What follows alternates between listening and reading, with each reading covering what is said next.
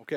Eh, tusen takk til alle som er kommet. Eh, kjekt å se at såpass mange vil være med på her på dette arrangementet som har fått eh, navnet Poesiåret 2019, der vi endelig skal avsløre fasit eh, om poesiåret 2019. Hva var eh, best, hva var verst, hva har alle gått glipp av? Eh, og, eh, og alt. Alt. Fordi vi har to timer på oss for å snakke om poesi. Eh, så hvis, uh, og, jeg håper ikke altfor mange blir overraska nå. for, det er verdt å få med seg begge to timene. Vi skal være her i to timer. Den første timen der skal vi snakke, eller prøve å si litt generelt om, om poesiåret 2019 som har vært, og kanskje litt om, og, om poesiens stilling litt utover bare dette året her òg. og så er det en pause om tre kvarter. Det er et kvarters pause. Når vi kommer tilbake igjen, så skal eh, gjestene presentere eh, et utvalg av årets eh, bøker. Eh, jeg tror de har tatt med det de syns er kanskje de beste bøkene. Men det kan være de har tatt med de verste. Jeg, eh, retningslinjene fra meg var litt uklare, så vi får se.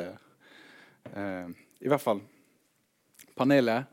Vi får ta en applausrunde, fordi de er alle jeg bare sier det med en gang, poeter sjøl og kritikere. Så uh, hvis dere kan få en applaus for én og én, Sandra Lillebø.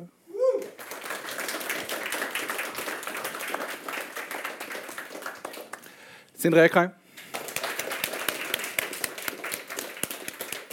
Og Endre Ruseth. Sjøl er jeg bare poet og ikke kritiker. Ja, enn så lenge. For jeg er livredd for hvis en kritiserer noen, så får en kritikk tilbake. vi, eh, eh, vi, det er ikke så ofte Når en prøver å lage sånne oppsummeringer, så, der, så prøver en å se litt eh, hva som har vært de snakkisene i løpet av et år. Og det er ikke så ofte at eh, poesien blir en snakkis i det hele tatt utover en, kanskje et, et, veldig lite miljø. Men eh, men i år så ble det det helt i begynnelsen av året, i februar. For da eh, måtte eh, poeten eh, Eirin Gundersen trekke sine tre diktsamlinger like etter den tredje var kommet ut. Etter beskyldninger om plagiat. Eh, og jeg, bare, jeg, tror vi bare begynner der. Altså, hvordan, eh, når dere eh, fikk høre den, om den saken, her, hvordan opplevde dere det? Nei, jeg syns først og fremst det er rart at uh, at ikke redaktørene på forlagene oppdager det. At, at, det står så dårlig til med poesilesning hos redaktørene i forlagene at man ikke ser at det her er direkte avtrykk av andre bøker. Eh, så er det jo et veldig spesielt tilfelle. da. Eh, og Det er jo van, vanlig å låne dikt og, av forfattere. I mitt eget forfatterskap så har jeg jo parafrasert og lånt utrolig mye av andre forfattere. Uten at jeg har sett på det som et sånt problem, der det i hvert fall er veldig tydelig. Men det er jo kanskje mer kanoniserte forfattere. Mens i det tilfellet her så er det jo da en forfatter som har, eh, som har parafrasert eller kopiert eh, ganske unge, unge forfattere. Eh, eh og, og, dette med kopiering ser man, man har sett det i kritikken når man ser det i bøkene. Og, og man, man, det er jo bare veldig, veldig trist. Det må være veldig trist selvfølgelig for dem som har blitt kopiert. og alt det der, Men det jeg syns er rart, er jo at, at det står så dårlig til med samtidspoesilesninga hos de etablerte forlagene at man ikke greier å identifisere uh, dette her gjennom, gjennom, å lese manuskriptet til, til forfatterne. Hadde dere, hadde dere, lest hennes bøker før? Jeg, jeg, jeg, hadde lest de før og hadde aldri tenkt tanken om plagiat. Men hadde dere lest de før dette ble kjent? Eh, jeg hadde ikke lest eh, bøkene hennes eh, før det ble kjent. Og jeg ble jo faktisk også plagiert. Mm. Uh, og uh, da jeg fikk en telefon fra, fra forlaget som var Gyllendal og fikk beskjed om at, uh, at uh, de hadde funnet uh, et dikt og muligens noe til som var tatt fra mine, fra min nyeste bok. og Så da måtte jeg jo gå inn og se hva det her var for noe. Og det som jeg syns var oppsiktsvekkende, var jo at det var jo Eh, ikke en, en, sånn type lån som, mm. som, Endre beskriver, eller altså, en sånn type homasj eh, mm. som, som, man kan eh, man kan skrive inn i tekstene sine eh, sjøl. Men det var jo uh, en uh, avskrift, egentlig. Mm. Mer eller mindre avskrift, men i mine øyne gjort litt dårligere, da. Mm. og, Nå er vi i gang. og, men altså, det kanskje mest oppsiktsvekkende var jo at det her var det diktet som sto på baksida av boka mi så var liksom kanskje, altså, Man blir jo ikke spesielt eksponert som uh, utgiver, av, uh, utgiver, av, poesi i Norge, men det var jo den teksten som var mest eksponert fordi, fordi det var den teksten som sto på baksida av boka også, og sto i forlagspresentasjonen av boka. Og Likevel så, så var det jo ikke blitt uh, oppdaga verken fra sin side eller fra kritikerne som hadde lest den sin side. Så det er jo tankevekkende på på mange måter. Og så må jeg jo si at det er jo også uh, altså Når man skriver sjøl Tidligere for noen år siden så, så var det jo en, uh, lignende, uh, en lignende, avsløring av, av plagiat innen kritikken. og jeg må, må, jo si at det er jo først og fremst ekstremt angstfremkallende, fordi man lurer jo virkelig på hvordan kan dette her skje? Ikke sant? Og man begynner å tenke er dette her noe jeg kunne ha gjort? Er det liksom, ikke sant? Altså, men så, når, når, man går inn og ser på de eksemplene, eh, det som faktisk hadde skjedd i Gundersens tilfelle, så, så eh, Det er ikke noe som enhver kunne gjort. Det er, et, det er helt åpenbart ikke eh, et arbeidsuhell. da. Er dere, er dere enig i den konklusjonen? At det ikke er, det er poetisk kleptomani, men, men, det ligger kanskje det ligger, men jeg tror det ligger kanskje en personlig tragedie bak. Det kan alltid være. Og at man liksom må må tenke, altså Selv om uh, det er fullstendig uakseptabelt, så må man kanskje tenke litt på at uh, det står en person der som kanskje ikke har det så bra. Og, som, uh, og, som, og så får vi håpe at man blir tatt vare på av forlaget og av dem som har rundt seg. da. Vel så interessant som kanskje saken i seg sjøl er at den veldig raskt etterpå så kommer det en kritikk mot eh, ja, mot forlaget, sånn som du ser, men òg mot kritikerstanden, som, som, ikke har oppdaga for, eh, for, dette var jo hennes tredje bok, og, og disse, uh, plagiatsaken gikk jo egentlig jevnt over alle bøkene. Mm. At det ikke var oppdaga. Og da kom, kom beskyldningen om at uh, dette må bety at poeter i Norge skriver for likt, mm. når, kan, når, når, når, det ikke er åpenbart at det er stjålet fra andre. Gunnar Wærnes har jo sagt at det eneste som ikke har gått opp i pris i Norge på 20 år, det er prisen på hasj og konsulenthonoraret uh, til dem som er rike.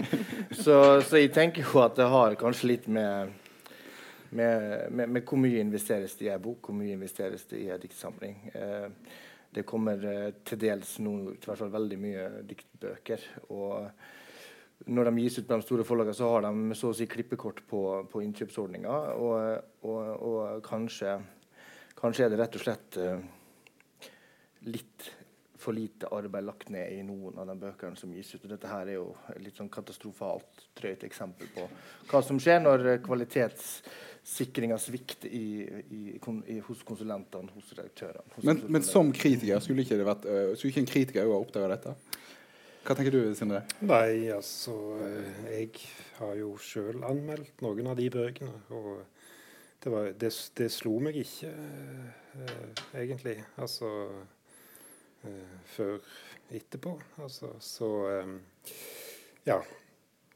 Så jeg Ja, jeg burde kanskje ha sett det. Fordi at jeg har jo lest stort sett alle de andre bøkene som, som det er henta fra. Altså, så, ja. For, det, for det, det, henger egentlig ikke på greip når du sier at det er åpenbart plagiat, men ingen ser det. Eller altså det er jo motstridende Eller hva tenker du, Sandra? Eh, ja, det er jo noe motstridende i det. Eh, men jeg tenker jo at Jeg vet ikke om eh, Jeg vil ikke skrive under på denne her påstanden om at eh, norske forfattere skriver eh, likt. Eh, det snakker vi om i sted, altså de bøkene som vi har valgt ut å snakke om i kveld. Norske forfattere skriver åpenbart ikke likt. men det er jo kanskje noe med en god del diktsamlinger som blir gitt ut eller Det er et fellestrekk ved veldig, mange, veldig mye av samtidspoesien, og kanskje særlig mye av den unge poesien, er jo at man skriver med et slags narrativt eh, begrep. Eh, og det tenker jeg kan gjøre noe med lesninga eh, f.eks. hos kritikere. Eh, at når man les, går inn og leser i Gundersen sine bøker, så leser man med et, man leser kanskje litt mer med et, med et blikk for, uh, for altså Fordi bøkene legger opp til det. Da, at man skal lese etter historie, man leser etter tematikk. Uh, man leser ikke like mye etter ja, enkeltdikt og uh, enkeltformuleringer og, og enkeltvise språklige utforskninger. Det har jo selvsagt sammenheng med hvor mye plass en Hvor mange tegn en anmeldelse får. Altså det er jo Man kan jo ikke drive de helt store eksegesene på en måte. Dessverre. Altså, så ja. Da hadde man kanskje sett det. ja. Mm. Så har det jo skjedd mye siden 90-tallet fram til i dag i forhold til det med, med den kritiske altså resepsjonen av bøker. I 1991 så fantes det ikke én litteraturfestival i Norge. I dag greier du knapt å unngå en poesifestival om du kommer ut på ei øde øy utenfor kysten. Uh, slik at i dag, mens det som er, er forskjellen, er at uh, i, før 1990, hvis du ga ut en bok på et etablert forlag, så var du sikra fire anmeldelser uh, i de store avisene i tidsskriftene. I dag så er ikke det tilfellet lenger. Det er krise for kritikken i Norge. Det finnes ikke lenger et rom, et kritisk rom for å ta imot de bøkene som kommer ut. Og det er et stort problem. Uh, du kan gjerne si at det er veldig flott at poesien har kommet ut gjennom festivalene, men eh, det har også forsvunnet eh, en, eh, en, dimensjon i, i, det, i, det, kretsløpet som er norsk litteratur, som er, er, kritikken. Og det er et stort problem. Vagant sier fra seg Nei, Cappelen Dam sier fra seg Vagant. Nå har jo Gyllendal vinduet, selvfølgelig. Men det er klart at det burde nesten vært påbudt for et stort forlag å ha et, et frittstående tidsskrift som tok for seg litteraturkritikk. Eh, det burde de ta seg råd til med tanke på hvor mye penger de tjener, og hvor mange bøker de gir ut som ikke får anmeldelse lenger. Men er det ja, altså, Alle er enige om at påstanden om at norsk poesi er for lik, den er, det er feil? eller? Den, den faller på sin egen rimelighet. Og det vil jo, som Sandra sier, de bøkene vi har med eh, demonstrerer på en måte ja. at det er et, et veldig Ja. Det, det er et Spekteret er på en måte utrolig vidt når det gjelder både former og lengde og tematikker og ja. Altså, ja. Du var eh, på nippet til å si nei? Jeg mener at når det ikke legges, investeres nok i særlig debutanter som gis ut, hvis det ikke legges ned nok arbeid i den enkelte boka, så ender ofte bøkene opp med å bli utydelige, pregløse. Og så får du det jeg mener på er bøker som er ikke nødvendigvis for like uttrykk, men de, de, de er åpenbart ikke bearbeida nok. Og, og, og, det syns jeg forlagene må ta på sin kappe, eh, for det er utrolig mange gode forfattere. Jeg har jo selv kritisert mange debutanter, men altså det er utrolig mange av dem som er, har et enormt potensial, men som kanskje ikke er klar for å gis ut. Og der mener jeg det går Det kan du spore tilbake til en slapphet i, i de store forlagshusene om at vi, vi, prøver oss fram, vi gir det ut, så ser vi. Istedenfor å ta bøkene på alvor og gjøre dem til skikkelige bøker. Men, men er det, tror du at, at eh, f.eks., som vi snakker om her, legger ned Vagant? Eller ikke legger ned Vagant, men altså kutter sin tilknytning til Vagant? Også, men de driver og finansierer poesifestivaler. Mm. Uh, er, er, det fordi at det selger mer bøker enn eh, en lesning i Vagant gjør for å selge en bok? Eller, ja, altså, er, det økonom, er, det rett og slett det økonomiske aspektet jeg tror, et, det, jeg tror forlaget har et stort ønske om å kontrollere mer av prosessen liksom, fra A til Å. De velger ut hva slags bøker som kommer inn. altså det er åpenbart, Jeg jobber en del med arrangement. og og, og forlagene er åpenbart veldig interessert i å legge føringer på uh, hva slags forfattere hva slags bøker som blir presentert. Det betyr jo ikke at de har all makt, men de, de prøver veldig å, hardt å, å, å, ta den makten. Uh, og forlagene gjør jo også en, en, stor, uh, en stor utvelgelsesprosess bare i forhold til hva det er de selge inn til bokhandlerne. Altså, forlagene sitter jo også som eiere av de største bokhandelkjedene og, og, legger store føringer på hva det er som blir eksponert i bokhandlene. Um, så ja, at det har sammenheng, det men, men, men, men, forlagene er jo allikevel fremdeles de som gir ut poesien. altså mm. eh, det, nå, det høres ut som det er de som er skurken. Grunnen til at poesien har liksom forsvunnet. nei, nei, nei, det, er altså, det er jo det er blanding. Det er mange forskjellige faktorer som spiller inn der. Du har jo også fallet, altså mainstream media sitt fall. VG og Dagbladet. Jeg, jeg, jeg, jeg, sa jo opp jobben min som diktanmelder i Dagbladet den dagen jeg fikk beskjed om å om å plassere terningkastet på et kult sted-bilde. Da tenkte jeg at her, nå har det gått, har det gått for langt. eh, og, og, det handler jo om at, at, i dag, så hvis du ser på de store store tabloidavisene, så er det kun Rimbereid og Vold som anmeldes. Altså. Det er ingenting under der. Ikke engang uh, Nødtvedt og co. anmeldes i de, i de avisene. Og det, det, viser jo at, at uh, altså der har du ett ledd, du har forlagene. Det er mange ting som, som gjør det der. Uh, det, er, det, er, ikke plass, det er ikke rom til så mange bøker lenger. Og da er det de bøkene som Da er poesien en, en, sårbar sjanger i forhold til akkurat det. For det er ikke de bøkene som selger mest, eller som skriker høyest. Så. Som kritikere hvordan opplever dere det forholdet mellom eh, altså Er det et press fra avisene for at dere skal anmelde diktbøker, eller enkelte diktbøker, eller er det dere som må presse gjennom hva diktbøker dere skal anmelde? Hvordan fungerer det? Det er overhodet ikke et press. Ofte så tror jeg de ønsker at uh, det ikke fantes. Ja. Det hadde gjort det mye enklere. Ja. Så, men eh, det kommer litt an på hvor man skriver, tror jeg. Eh, nå skriver jeg i Dag og Tid, og der har, har jeg hatt ja, fritt Altså jeg har stilt meg helt fritt. Jeg kan velge hvilke bøker jeg vil skrive om. Og, ja.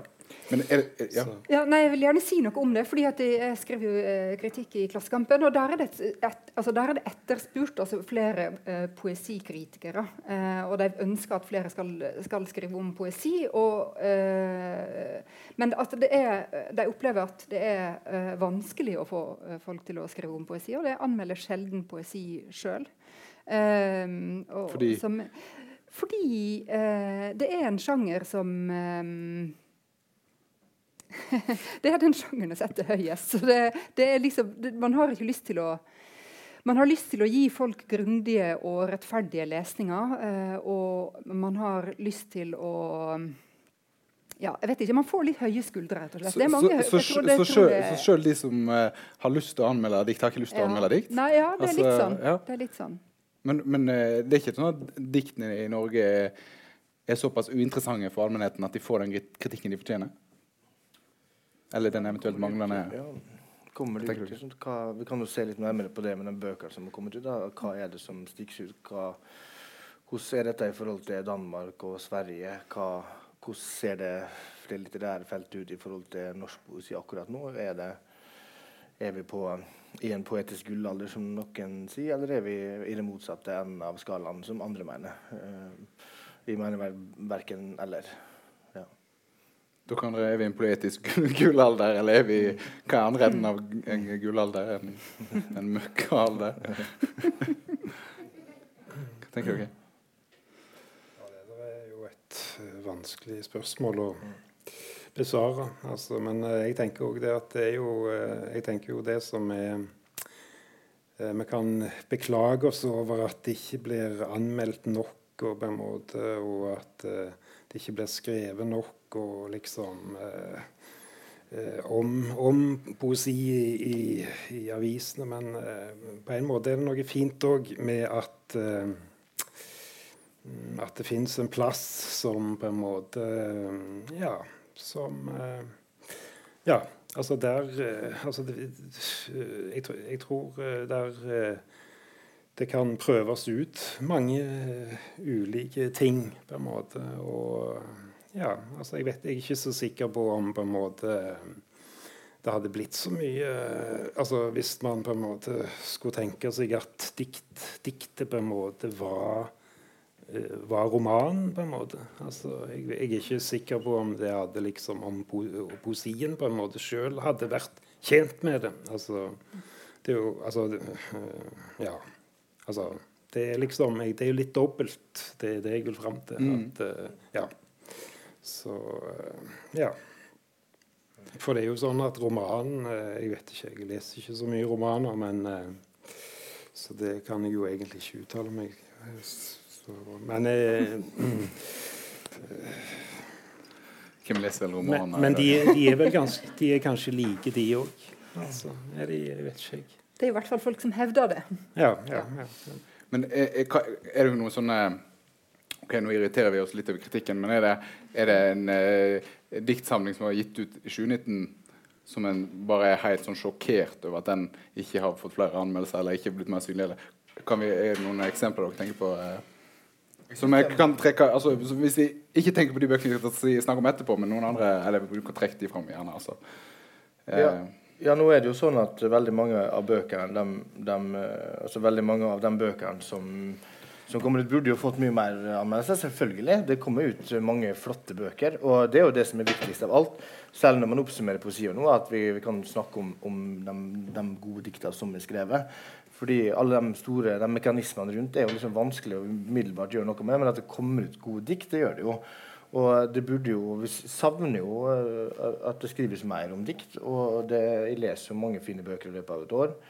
Og jeg tenker at det særlig går utover de yngre forfatterne, poetene. Eh, og at, eh, og at det, er, det, er, trist at, at unge, fremadstormende, flinke folk ikke blir sett eller hørt uh, særlig. da, og, og hvis du er en god muntlig person, hvis du er en god sosial, altså, da kommer du ut på festivalen, da kommer du ut i, i, i det sosiale rommet. Hvis du, kan, hva hvis du er en Torulven da, som liker å sitte og skrive bøker, og ikke liker å vise det ute i, og svinger det i valsen, og, og, er kanskje så god til å lese på en scene, så, så faller du litt mellom, faller du litt gjennom. og der er det jo et par eksempler, jeg kan ta det etterpå, men det er jo et par eksempler på poeter som kanskje burde ha fått litt mer oppmerksomhet. Mm. Mm. Samtidig så eh, eh Eller er dette noe som avisen ofte sier at det, ja, men det er ikke interesse? Det er derfor en ikke satser på det? Men jeg tenkte faktisk på det, altså, når vi gikk gjennom den bunken med bøker som vi skal snakke om her nå, at det er utrolig mye av det som egner seg til å bli lest av utrolig mange. Altså, poesien har liksom, har, blir på en måte ikke kvitt dette stempelet om at det er forferdelig vanskelig, eller at det er så utilgjengelig, eller at det er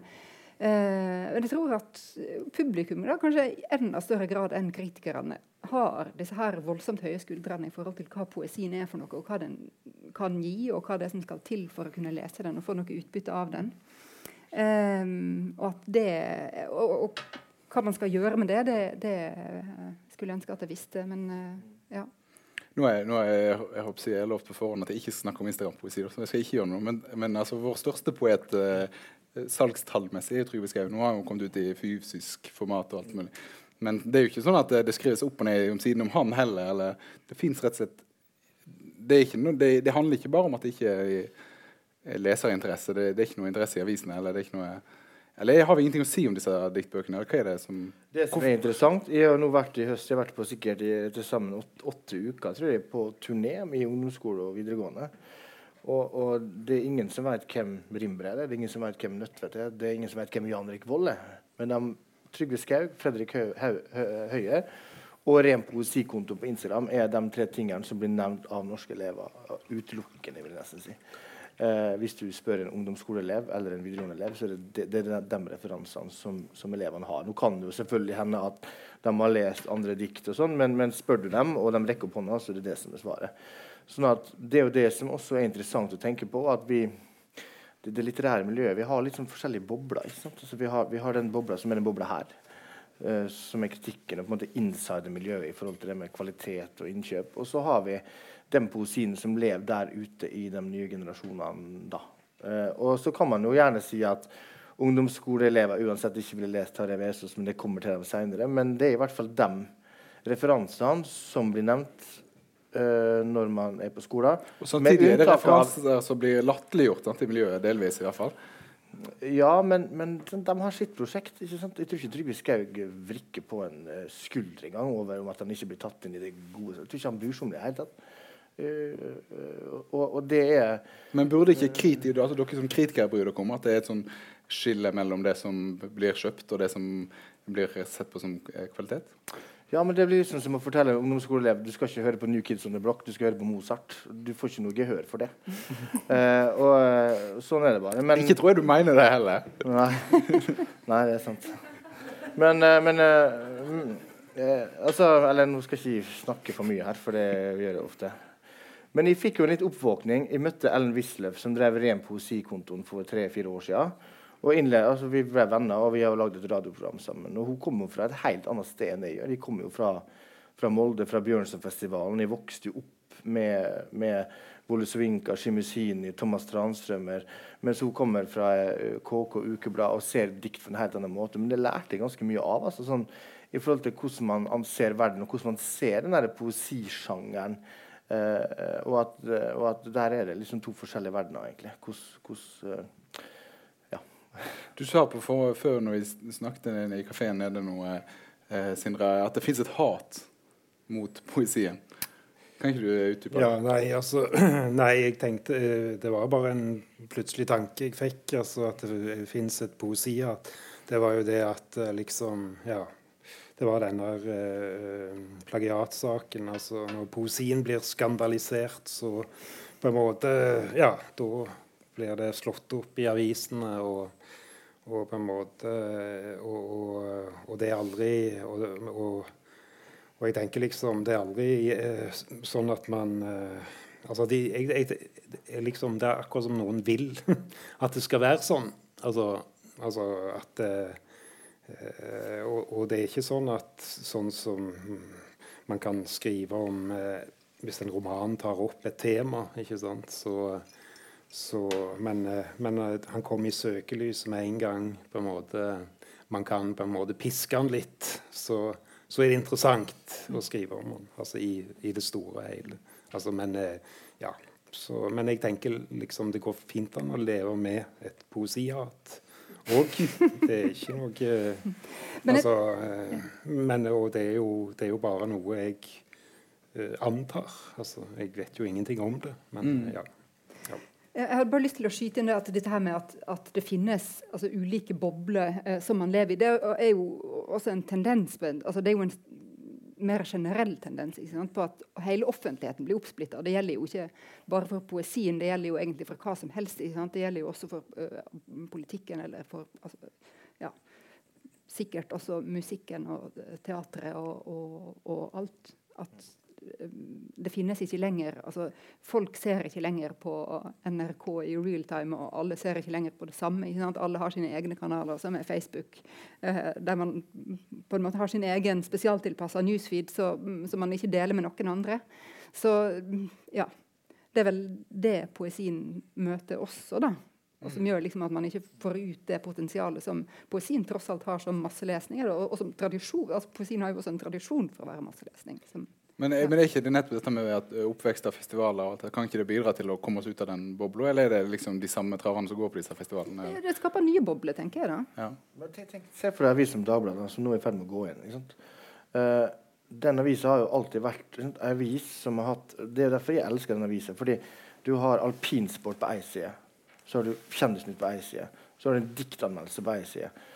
Altså, du har, det, er en, en, altså, det var en avis som alle leste som rommer alle disse tingene. Og det, som du sier, det fins ikke lenger. Den mainstream media er, er i ferd med å forsvinne, og den oppdelinga der gjør at vi, vi, trekker oss tilbake. Du får større motpoler mellom ting. Og det der ser du i utlandet mye mer allerede. Hvis du går til England for eksempel, og ser på poesi eller litteraturmiljøet der, så er det utrolig oppsplitta mellom arbeiderklasse overklasse på en helt annen måte enn vi har her. Og det er jo litt av den uh, Hvis du går til USA Poesien er universitetsmiljøet. Den har sin egen sirkulasjon innenfor eh, visse kontekster og referanser. Og, og, og, litt av det er kanskje den uskylden vi er i ferd med å miste i Norge i dag. Da, at, at, med bortfallet av mainstream media så forsvinner også den, der, den, den hele pakka blir borte. og vi og kanskje særlig fordi vi i Norge vi har, så, altså, vi har jo vært så privilegerte at vi faktisk har hatt den typen medier som, som, VG og Dagbladet og Aftenposten, som har vært store masselesningsaviser. Det er jo vanlig for eksempel, at vi sammenligner Aftenposten med Le Monde i Frankrike, men Le Monde på sitt beste hadde et opplag på ca. 400 000, som var omtrent det samme som VG hadde i Norge, et land som er mange, mange, mange ganger mindre. Og nå har Le Monde et opplag på 100 000, som er omtrent som Bergens Tidende. Altså, det, er liksom, det, er, eh, det er små offentligheter man snakker om. Ja, mm. Ikke for å ta det for langt ut av det vi snakker om nå, men det, er jo, det kom jo på et tidspunkt klikktall. Altså antall klikk ble en måte. Og, og det vet jeg helt med 100% sikkerhet. at F.eks. lokalavisa, Romsdals Budstikke så jo på det. Altså Diktanmeldelser av smalbøker fikk så lite klikk. Og når du begynner å summere opp de klikkene, så er det jo enkelt å på en måte skyve ut det minst de minst klikka nyhetene. Så det er jo også med å spille inn på hvordan media Det er et ganske dystert bilde. som altså, eh, Poesien er elitistisk, og derfor blir den kanskje hata. Og samtidig er ikke forlagene egentlig interessert i den, bortsett fra liksom å pynte seg med. eller... Mm. Ja. Mm. Men de får det jo fra andre bøker òg, eller? Det fins mye fint å si om poesien. Det er absolutt eh, Vi må, vi må, vi skal, vi må, vi må snu det skipet her. Vi, dette, jeg tror dette er den negative halvdelen, og så skal vi være positive etterpå. For jeg hadde jeg, jeg, jeg, må, jeg, må, si det Hvis vi skal snakke om noe vi, vi, Når vi planla dette, så trodde vi vi skulle bli en snakkis.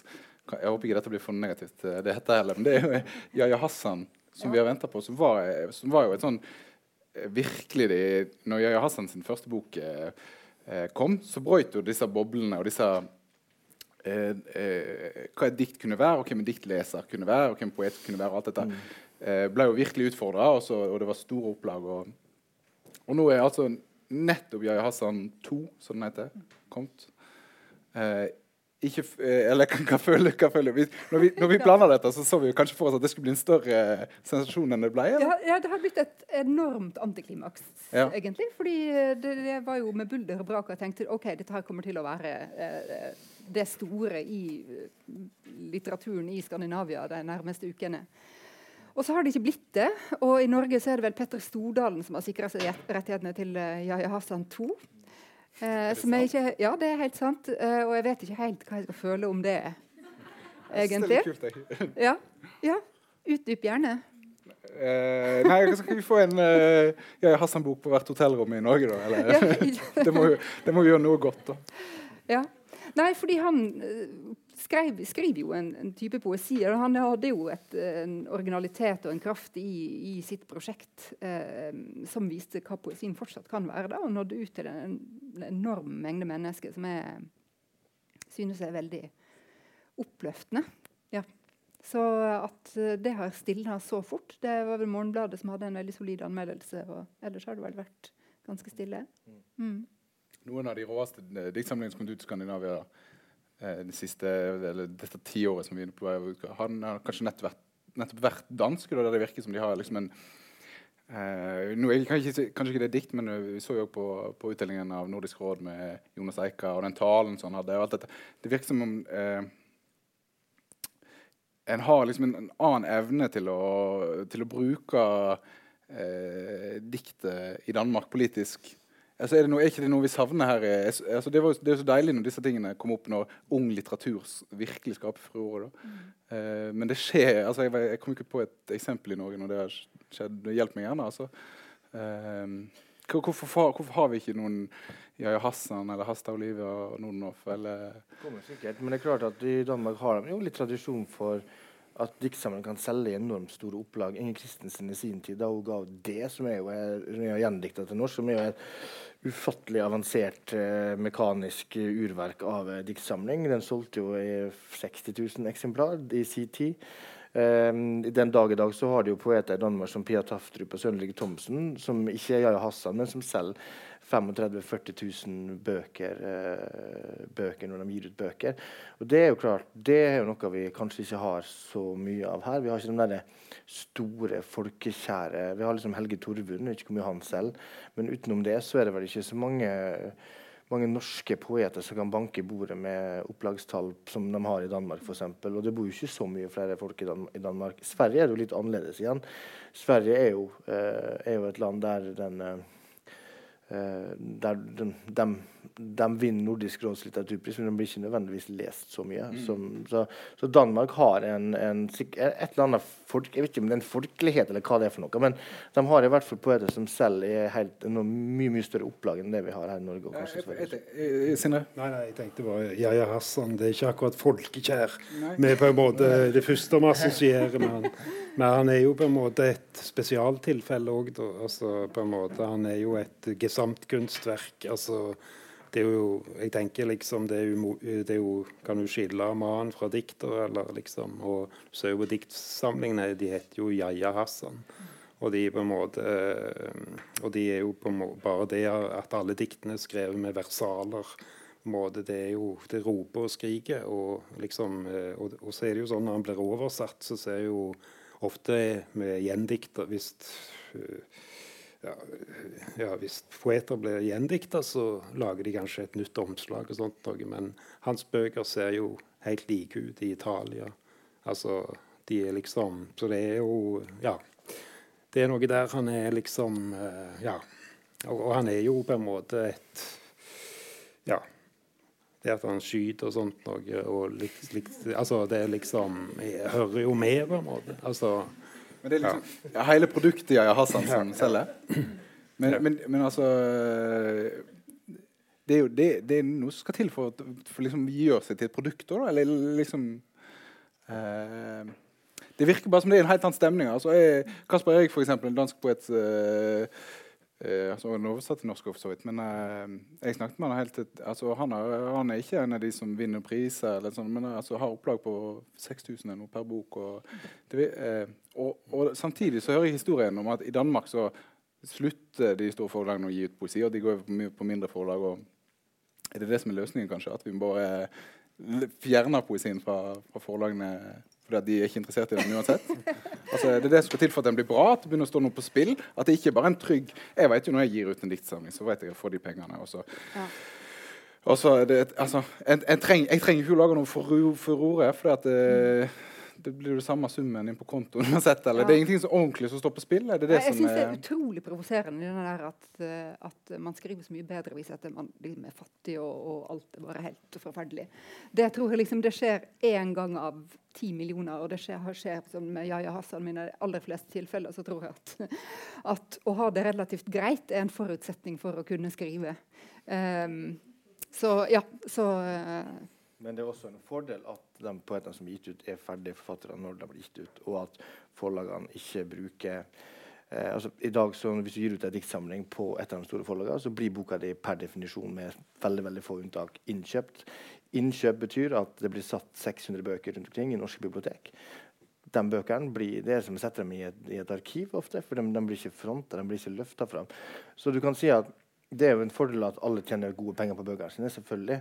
Men om man er blitt for slepphendt med å gi ut for mange forfattere, det tror jeg ikke er en fordel for noen. Uh, og det, det jeg mistenker litt er et, kan være et problem i Norge, men det er en utrolig upopulær ting å si. Men det, det, det, det som er et problem. Innkjøpsordninga er jo ikke et problem. Nei, det er sant. Hva, jeg, er, Nei, er innkjøpsordninga et problem, Sindre?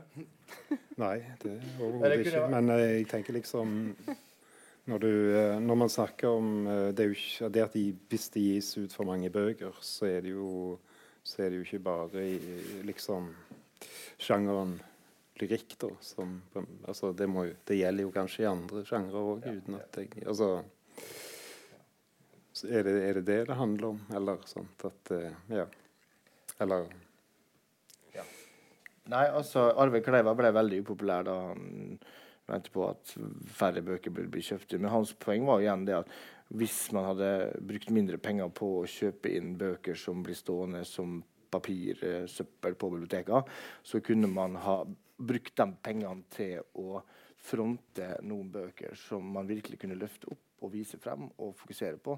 Og at det ville vært en bedre ordning. Men om det er riktig eller feil, det vet jeg ikke. Men vi er jo i en ny tid. Altså, vi lever jo i en ny tid. Vi er jo i ferd med å gå over i den digitale tidsalderen. Er, og det, det, påvirker jo det formatet vi gir ut bøker og dikt på. Og det påvirker jo hvordan vi publiserer og kommuniserer med det som vi skriver. For det er jo det det, det syvende og siste handler om. Er, hva, hva er det, hvor, hvor går boka di ut i verden når den går ut i verden? Altså, Hvor blir det av den? Men er boka si sjøl liksom en sjanger, nei, en, et format som er på vei ut? er det du sier?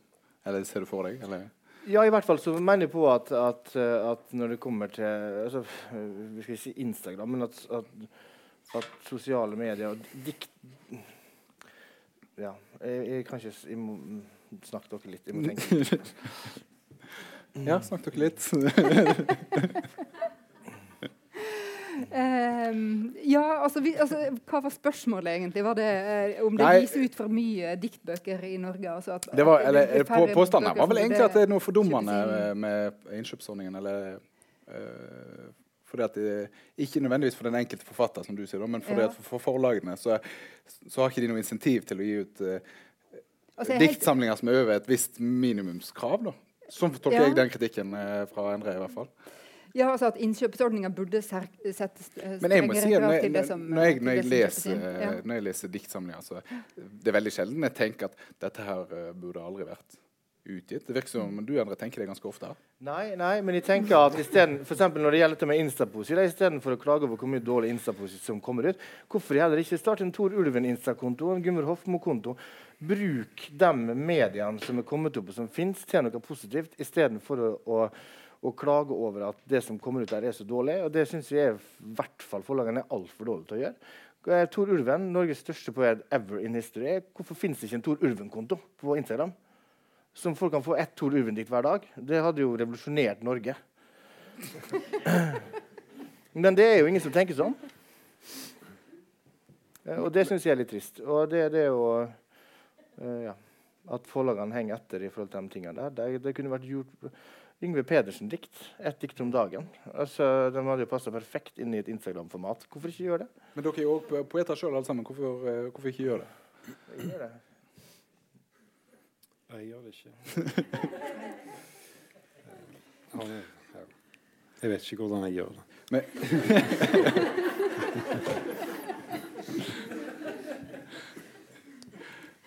men, men nå, for nå virker jo altså, Det er jo som en dikt sånn, Det er jo en konservativ mastodont som bare blir opprettholdt på sånn eh, Eh, at det er sånn livlinje av dette her innkjøpsordningen, og så bare durer det og går. Og så er vi heldige hvis det kommer en bra diktsamling innimellom. Det er der vi er. Det var på poesiåret 2019. Jeg tror det er bedre å snakke om enkeltverker, og at da jeg tror man vil få, føle mye mer kjærlighet i forhold til det. Hvis vi tar frem enkeltbøker og snakker litt om dem, så, så kan vi vri det over. Altså, det, det kommer ut mange flotte bøker, og det har kommet ut veldig mange fine bøker i år. og, og, og, og det er det er dessverre sånn at når man begynner å snakke om dikt og dikt, så snakker man veldig mye om politikken rundt, og det gjør jeg jo sjøl også, men det er jo litt trist. Og, så jeg vet ikke om jeg har så mye mer å si om akkurat det. Jeg tror kanskje jeg har lyst til å snakke om den bøkene som vi skal snakke om. Endre har jo vært programleder i radio, og, det, det, og dette, her, dette, er jo tydelig, for nå er det pause. Og om et kvarter så kommer vi tilbake. Og da skal vi snakke om eh, enkeltverk. Så eh, kvarters pause. Eh, gå ned i bukselongen, kjøp en bok eller en øl, og så kommer vi, møtes vi om et kvarter.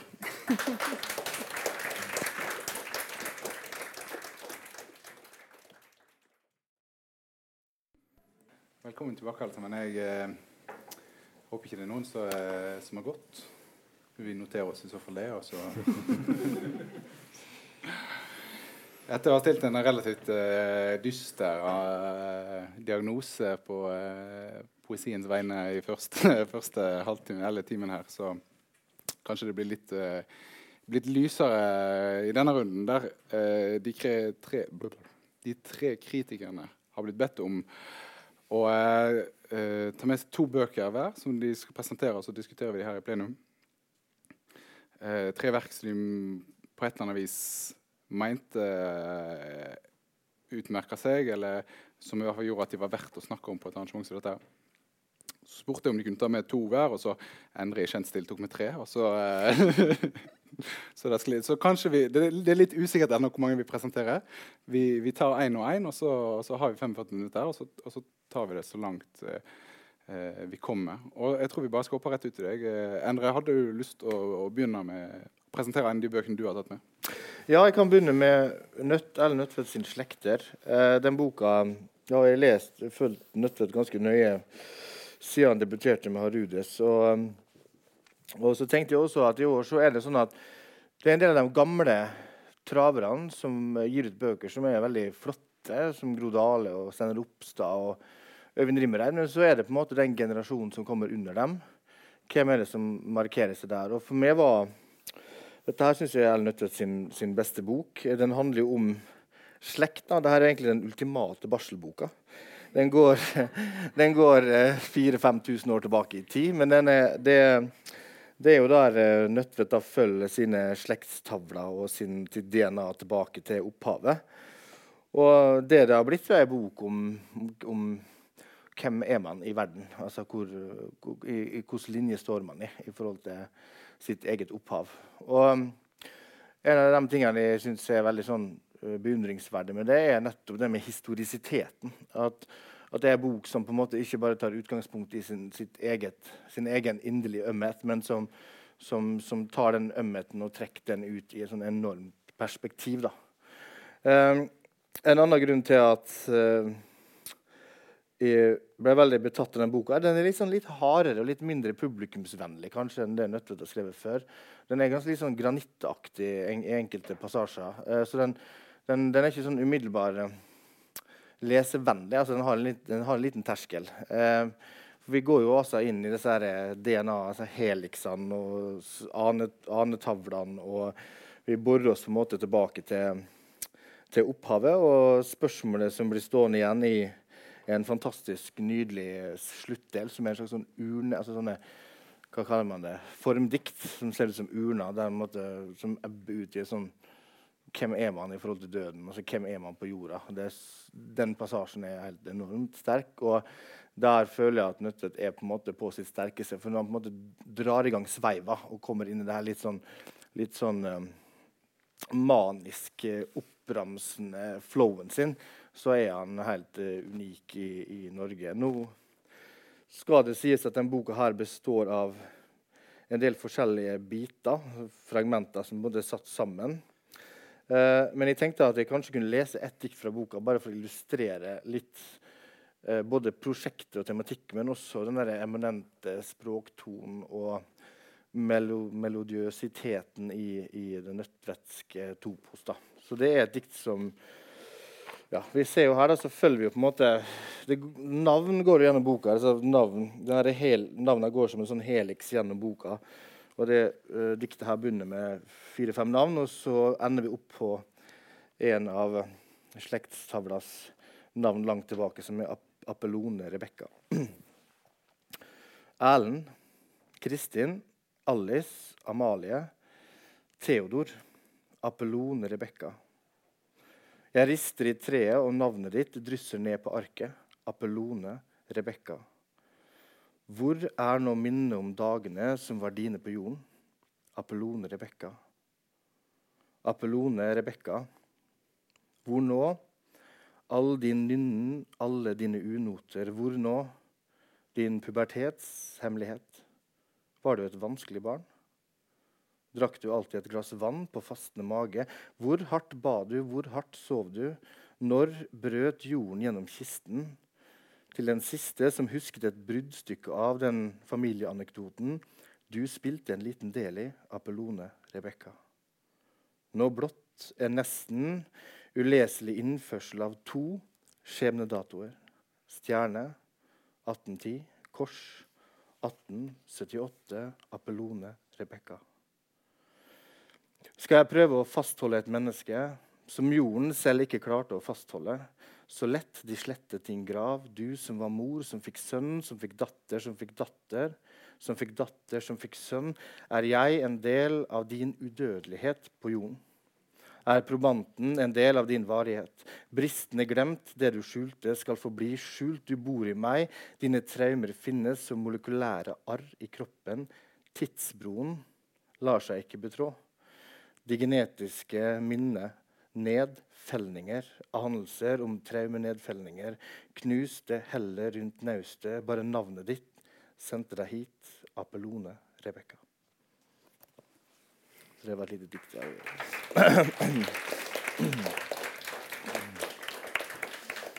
Um, og det som imponerer meg som det diktet, er jo dette her, vet jeg, med innledende dikta i boka. er den der, Hvordan vi plasserer så nært denne personen, det vakre navnet, den lyden av navnet Apollone Rebekka som er gjentatt. Eh, og hvordan måtte gripe inn i kjernen av prosjektet, som både er altså, Nødtvedt eh, beskrev jo Dag Solstad sin telemarksroman som en navnesymfoni. Og litt av det samme her er jo en navnesymfoni. Symfonien er gjennom navnene som har brakt det hit på jorda. Og I det diktet her så syns jeg på en måte at han forener både det tematiske optikken i diktet sammen med den lyden av diktet som, som Nødtvedt er så god på. Altså det, det muntlige på en måte, styrken i diktet. Så for meg så så idet det diktet kom på sidene, så var det, da, var jeg, da var jeg solgt. Uh, ja, kanskje det, altså, for, for, oss som er, som er godt inne i bobla, som, eh, som, ble sagt her i sted, så, så har jeg og, har hørt Erlend Nødtvedt lese mange ganger, så er det virkelig interessant å høre noen andre som eh, For det er, helt, for det er, det er noe annet som trer fram når du leser den, når Erlend sjøl leser det. Ikke at den ene er bedre enn den andre, men nå merker jeg, jeg må ta en liten omvei her. Sist, sist, uke her på Litteraturhuset så,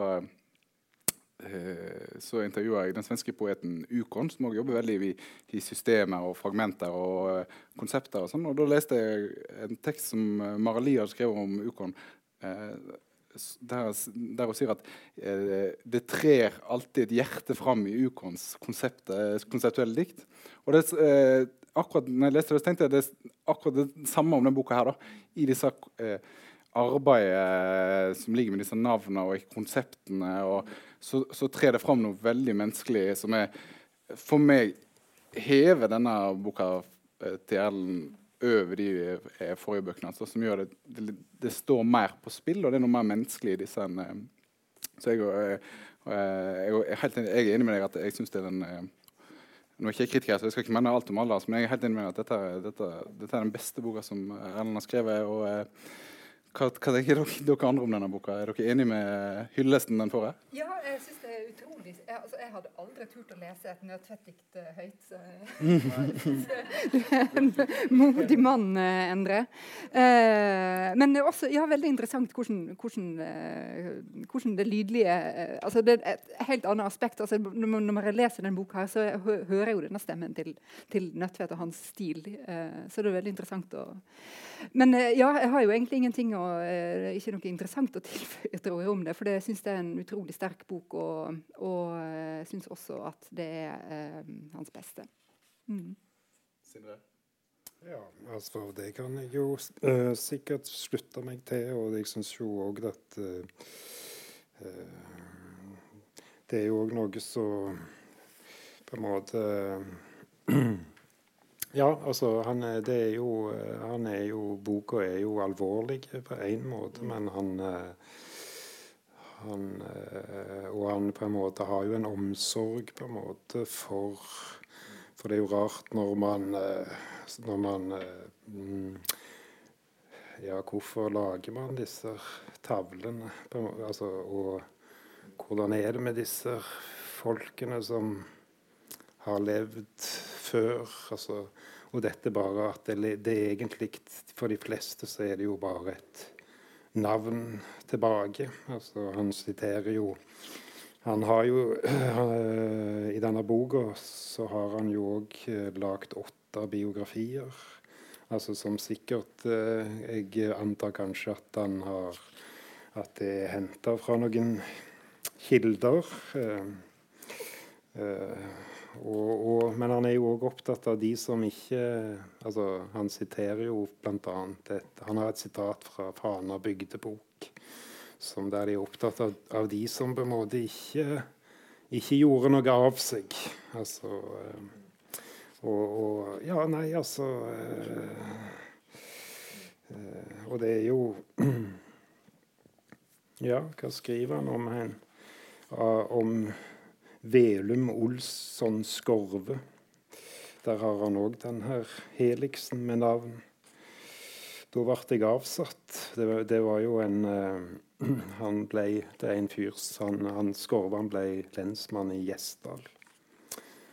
Og så står det da etter to, et par setninger, og så står det Da ble jeg avsatt av de jeg var så lei å drikke. Så det er jo liksom Det er liksom eh, Ja, jeg, jeg syns det er på en måte uh, Dette er kanskje uh, noe, noe som man har skrevet sammen med noen kjelder. Uh, ja. ja. jeg jeg syns jo at så, så, jeg mener jo at det er, en, det er jo en omsorg for de som bare har navnet sitt igjen, og, og kanskje et, et, noen årstall.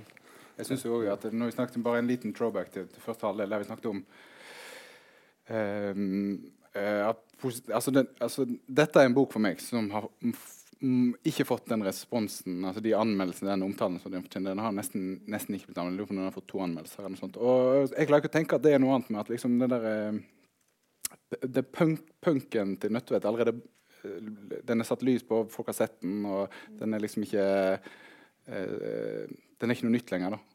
Men det som, det som er, er jo at alt, alt det som man har gjort tidligere, her er, her er gjort enda bedre. Sånn, så det jo, det, men, men, på en måte kanskje nyhetsverdien er vekke. At det er det som kan forklare det. Jeg så var veldig trist. da. Ja, det, jeg mener på at det som, og Ikke for å snakke stygt om Ukon, for han er en fantastisk poet, men Ukon er jo mer punk. Der går det samme grepet om og om igjen.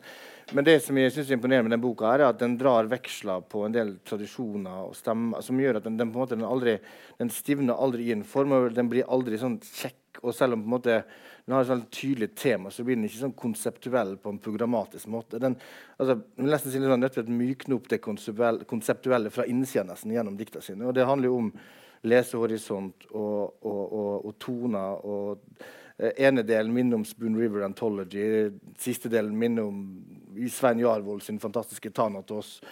Det er hele tida en sånn veksling i, i, form og tone som gjør at boka aldri står stille og blir en ren gjentagelse. Og der, der, der, mener jeg på at det, der, med det så mener jeg der, der har han kommet lenger med denne boka her. Og, og, for meg så er det, det, det er, den, det, er min store leseopplevelse i år, absolutt. Det er høydepunkt for oss alle, tror jeg. Eh, og så tror jeg at vi skal gå videre. Sindre, har du lyst til å presentere din første bok? Ja, det kan jeg godt. Jeg har jo med en traving såkalt som Endre kaller for en gammel traver. Så han har jo skrevet ei bok om en hest som heter Jimmen, da, så det passer jo. Ja. Eh, det er Øyvind Rimbereid. Eh, hvit hare, grå hare, svart heter han. Og, eh, og ja ofte Jeg syns jo det at Rimbereid han gjør liksom noe nytt i hver eneste bok som har kommet, syns jeg, da. Altså, og og liksom at han Ofte er det jo Ofte har jo de vært på en måte eh, Dikta har jo vært filtra gjennom et eller annet sånt grep som man har, Et, et overordna grep, da, som på en måte Ja. ja som, eh, sånn som så, sånn så Jimmen, f.eks., og sånn som så den Lenis plasser, som vel var den siste. Og eh, sånn at Ja. Og det, det, jeg tenker at denne boka da, den, Med en gang jeg begynte å lese den, så tenkte jeg ok, nå har han liksom, endelig har han liksom lagd en eh, diktsamling. altså med, Og det kan vi jo det, Blant annet det, dikt, det er jo dikt som har vært publisert tidligere her, og, og, og sånt noe. Så, eh, så ja. Men når man begynner å lese, så, så begynner man å så leser man om, eh, om verktøy. Eh, han skriver om sand, han har en ode til sandpapir, ode til hengselen. Og, ja, og, så, og så går det jo eh, over til å handle om eh, at han har skrevet dikt til ulike bilder. Eh, så det går på en måte fra eh, verktøyet til kunstverket. Uh, og så er det sånn at denne boka er inndelt i tre, tre deler. Og i, i, midt, uh, i midtdelen da, så er det jo et langt uh, dikt. Og det, det som òg gjør at, det, man, at, jeg har tenkt, tenkte først diktsamling, er jo at man finner jo her så uh, man finner liksom langdiktet ved siden av Eller det lang, langdikt, uh, langdiktet eller, og, det essayistiske diktet ved siden av på en måte mer uh, liksom dikt som er sånn poetiske kortdikt, altså der som liksom Men så, ja Så er det jo liksom òg et prosjekt her, da. Altså mitt Eh, diktet. Eh, det er, jo, det er jo skrevet til Arnold Lekeland sitt bilde eh, 'Det siste skuddet', som er et stort bilde på tre ganger, to meter, tror jeg. Det, ja. Og den midtseksjonen heter jo det, jo det er jo bilder som er skrevet den heter jo 'Før Nasjonalgalleriet pakkes ned'. ikke sant? Så, og, og, og, det er han eh, i dette bildet til Arnold Ekeland som eh, det er liksom, Der er tingene spredd De er liksom spredd ut i bildet. Og, og, det er ikke det at det liksom samler seg i, i, i, i midten, da. Altså det, det, er liksom spredd rundt. og, og så mye av dette Ja, hvor er jeg på vei hen nå? Skal vi se. Ja.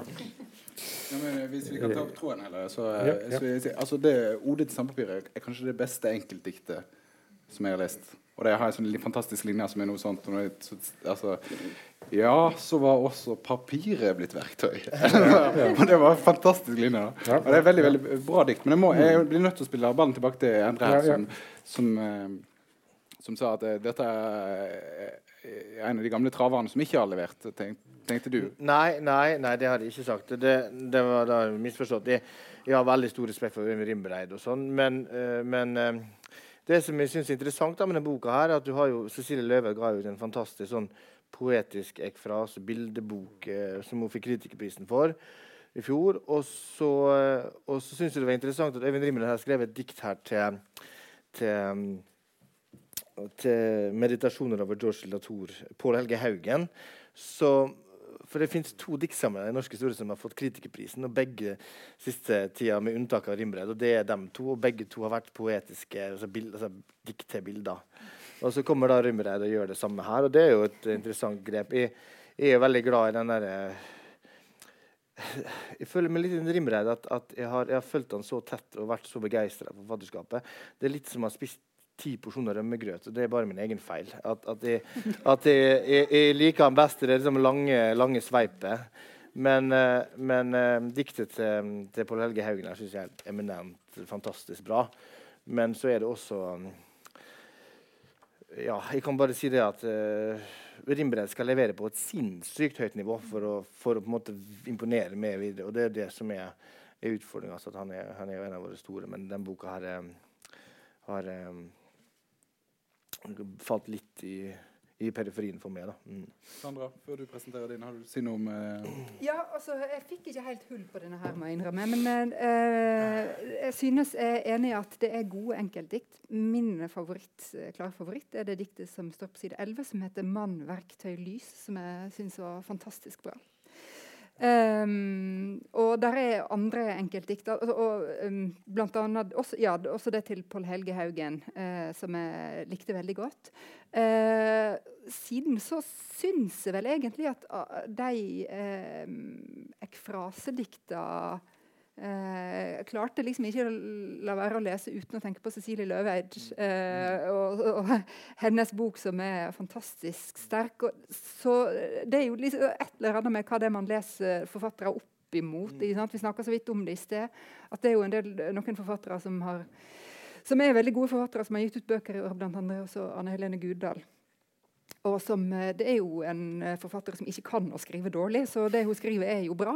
Eh, men det er jo på en måte, når man har gitt ut noe som er veldig godt tidligere, så skal det, skal det en del til å, å leve opp til det. Så, så ja. Eh, men jeg er åpen for at hvis jeg leser gjennom eh, noen ganger til, at jeg kanskje får eh, Men, eh, da. Ja, Ja. nei, Da uh, syns jeg at dere begge tar feil når det gjelder det beste enkeltdiktet. For det finner dere på side 76 og heter 'Sisselert blomst'. Altså Hvis vi skal snakke om enkeltdikt, så er det et utrolig fint dikt. Uh, og uh, altså, jeg eh, tenker liksom eh, Levere på et høyt nivå. For meg er det på en måte Jeg skjønner ikke hva det betyr engang. Altså, for, for uh, Altså uh, Altså um, uh, Egentlig. Altså, det høres ut som en sportsprestasjon. Og liksom Altså her eh, Og jeg tenker liksom Ja, ja.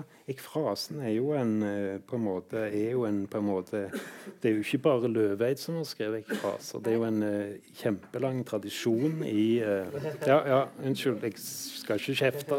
Men, uh, ja, ja. men, Men- altså, sånn, at, sånn at jeg syns det er litt urettferdig OK, altså Det er litt urettferdig både overfor Cecilie Løveid, Mm. og det er litt urettferdig overfor denne boka, syns jeg. Mm. Ikke sant? Altså, ja. Ja, jeg tar veldig til med Ja, den ja. kjeften. Eh, jeg er veldig eh, Jo, men og jeg synes for, for så vidt altså, det er interessant, og det er kanskje en annen ting som man burde diskutere på en sånn tendensting. Det er hvor ofte når man sitter og snakker eh, forfattere imellom, hvor utrolig opptatt folk blir av hvem det er som er best. Eh, hvem som har skrevet den beste ditt og datt, og hvem som er bedre enn ditt og datt. Og eh, det, det skjer veldig ofte, altså. Så det her sportsprestasjonsspråket Nå sa du ja til å komme hit. Også, altså. Ja da. Ja, ja men eh, ja. Vi har ikke kasta noen terningkast, men eh, ja. Jeg er veldig for sports, jeg er sportsgal, så jeg er for sportsredaksjon. Så jeg tror. Men, men eh, det, hun, eh, ja, Cecilie Løvahl vant vel Brageprisen, ikke Kritikerprisen. Men også med det Jeg tror hun fikk begge. fikk hun begge. det. Ikke Brageprisen. Ja, hun fikk i hvert fall Bragepris. Fikk i hvert fall Jeg hun Brageprisen. fikk begge. For jeg har tatt på Brageprisen. altså. Ja. Ja. Det- Skal vi gå videre? Sånn, Yeah. Mm. Ja. Nå, har- nå har vi altså brukt nesten en halvtime. Ja, Ja, Dette skjer hvert eneste år. Og jeg spør om ikke vi kan la det vare i tre timer. Men, Eh, ja, jeg har med 'Eilert Sundt-tilstanden' av Espen Stueland, som er en bok som har fått betegnelsen sakpoesi. Eh, og Espen Stuland er jo en forfatter som har skrevet både eh, dikt, og som har, men som de siste åra særlig har skrevet essay, og som har beskjeftiga seg veldig mye med eh, sakprosa. Eh, så nå når han er tilbake da i eh, diktsjangeren, så er det da eh, sakpoesi han har valgt å, å, å skrive.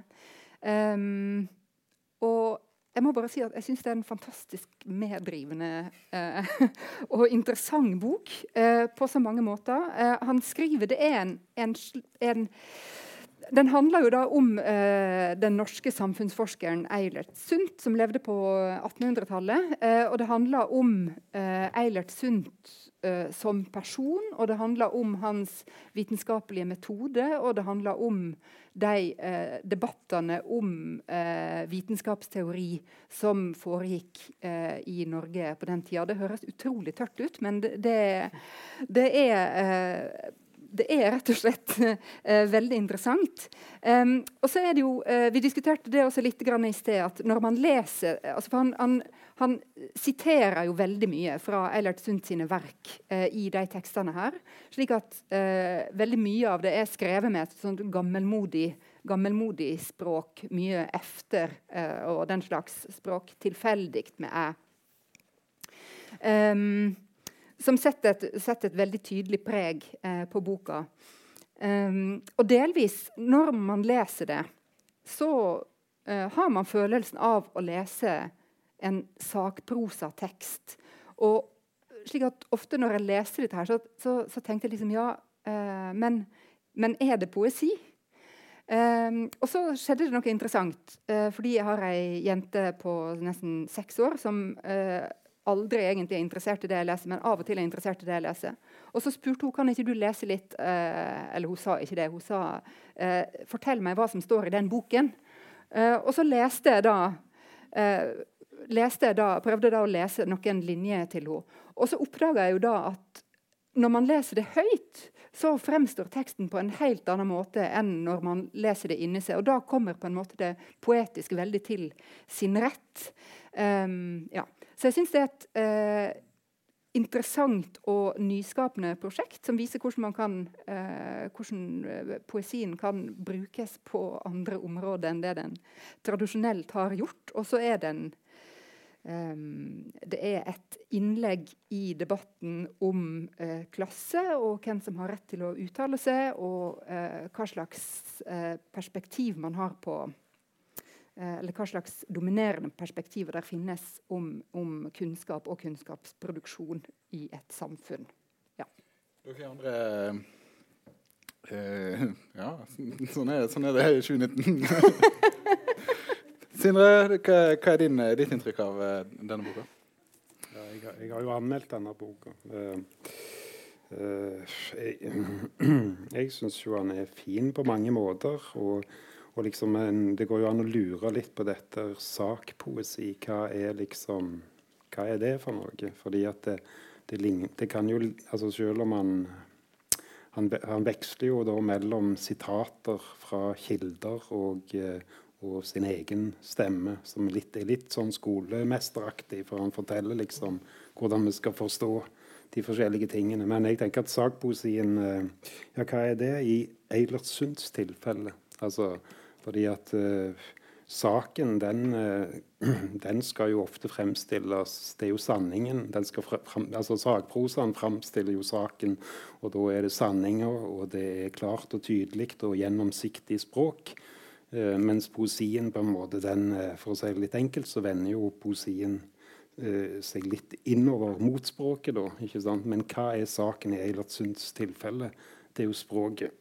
Altså for eh, Eilert Sundt drog jo rundt, og han, han var jo litt opptatt av han var jo veldig opptatt av hvordan skal jeg gjengi en samtale rett. Altså, jeg kan ikke gjøre det når jeg kommer hjem. Jeg må, altså, han, han, fordi han ville jo høre altså, Så saken, altså språket, er en del av saken. Altså for Eilert Sundt. Altså i hans eh, Ja. ja. Og det var jo da det var jo sånn han havna i clinch, eller, eller begynte med, altså med, legene og eliten og på en måte og uh, ja, ja, ja, tenker jeg. Altså, ja. Men hva Jeg, jeg syns selv om prosjekt, prosjektet er veldig sympatisk, syns jeg. Men uh, det, uh, Og du sa det kan høres litt tørt ut. Og for meg så tror jeg det kanskje heller er helt ut av det tørre, da. Eller, det, eller jeg tørte det ikke, for det, det, for det, er en interessant bok å lese. Men det poetiske trer aldri skikkelig fram. Og jeg har tenkt at det kanskje handler litt om eh, det metodiske i skrivinga her. rett og slett. Det, det kan, og det er kanskje ikke helt urettferdig å sammenligne med, med Nødtvedts uh, sitt prosjekt, også, vi også jobber med kilder på en eller annen måte. Da. Mens her er det, og det er kanskje spesielt den der skolemesteren som Sindre kaller det. Altså, det, det kanskje hadde det tydeligere tredd fram et eller annet altså Det poetiske er noe sånn eh, som treffer nøyaktig på et unøyaktig sted. eller noe sånt. Altså, det, er, det, er, noe sånn usagt presist over det. Og det fins bare ikke for meg i den eh, boka her. Eh, delvis kanskje noen ganger, men jeg syns ofte at prosjektet i seg sjøl er mer poetisk enn teksten i seg sjøl. Uh, uten at jeg helt klarer å fatte det. Endre? Um, vi, vi, må kanskje gå videre til neste bok. Jeg tror vi har sagt for noe fornuftig om den. Um, jeg vil slå et lite slag for den her. Kjersti Bjørkmo sin 'Hadde du bodd her, hadde du vært hjemme nå'. Og Jeg husker jeg leste debuten til Kjersti Bjørkmo. og tenkte, altså, Kjersti er jo en sentrallyriker.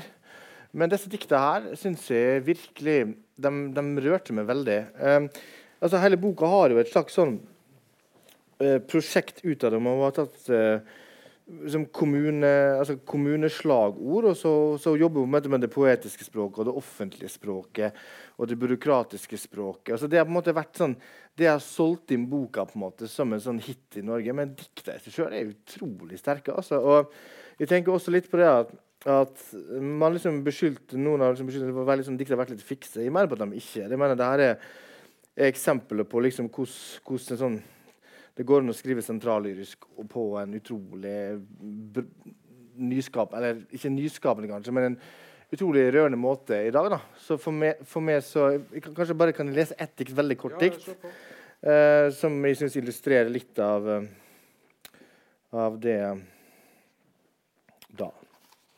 Og det her er fra Kjøping, og der er altså, kommuneslagere 'Hadde du bodd der, hadde du vært hjemme nå', som da er titteldiktet. Ei natt var regnet så kraftig at jeg begynte å tenke på begravelser mørkkledde mennesker i en klynge på en slette. Ei natt var ingen døde. Ei natt var jeg fin og litt trist bikkje med gedigne ører, fordi hun som hadde tegnet meg og romskipet jeg satt i, ville at jeg, fra min posisjon i universet, skulle høre alle jordas kjøleskapsdører åpnes og lukkes, åpnes og lukkes.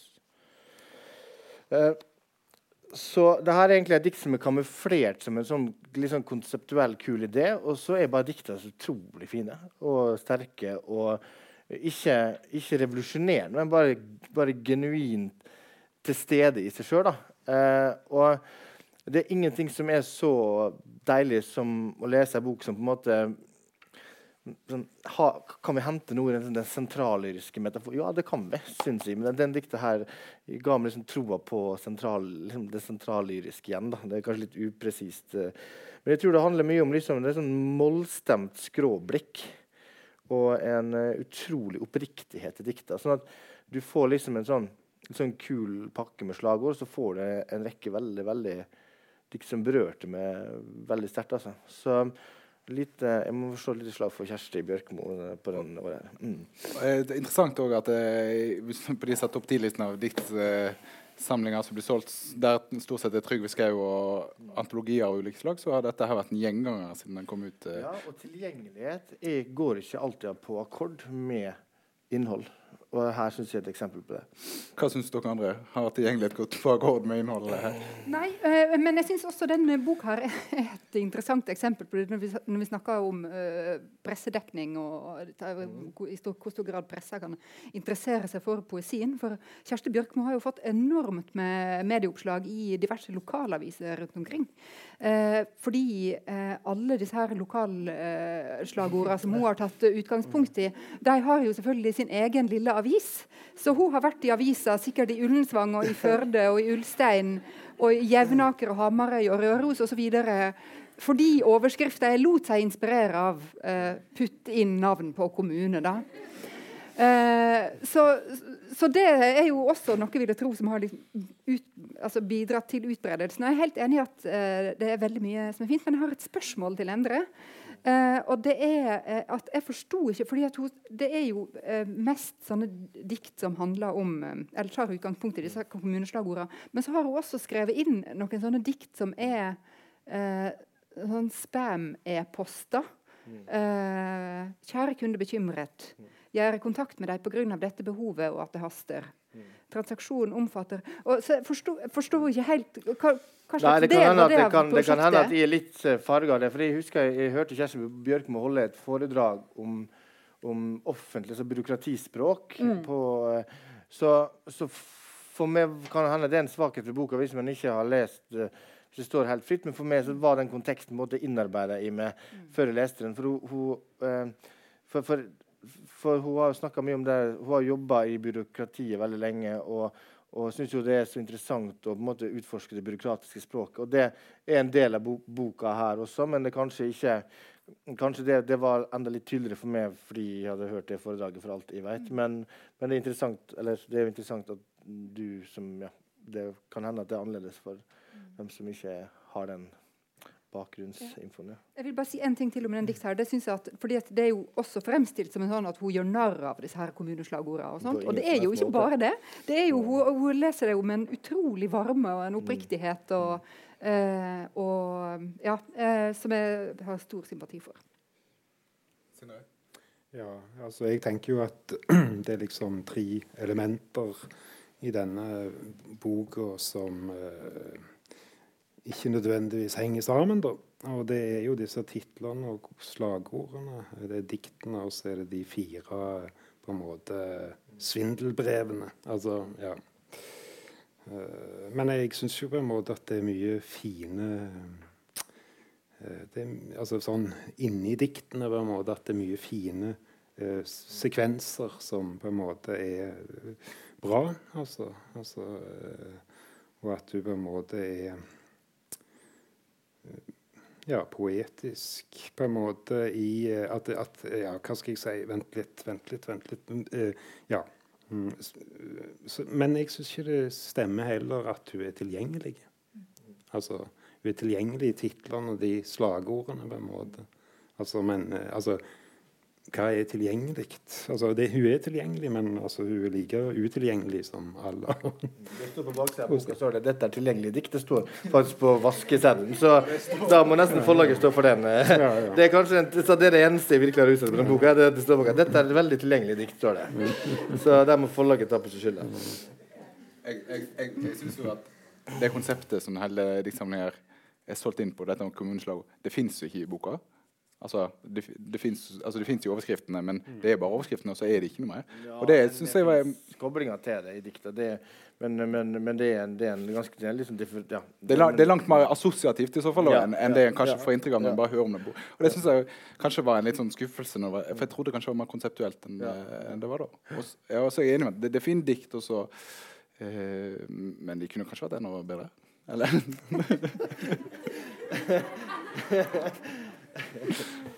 Vi går videre på den, uh, Sindre.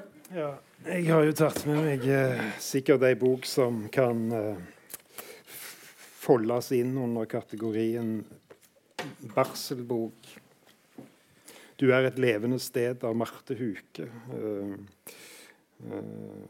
jeg syns jo at denne boka egentlig er veldig fin fordi at det uh, Bare i disse ulike teksttypene som uh, møter på, altså prosa, tekster, dikt, dagbok, notater.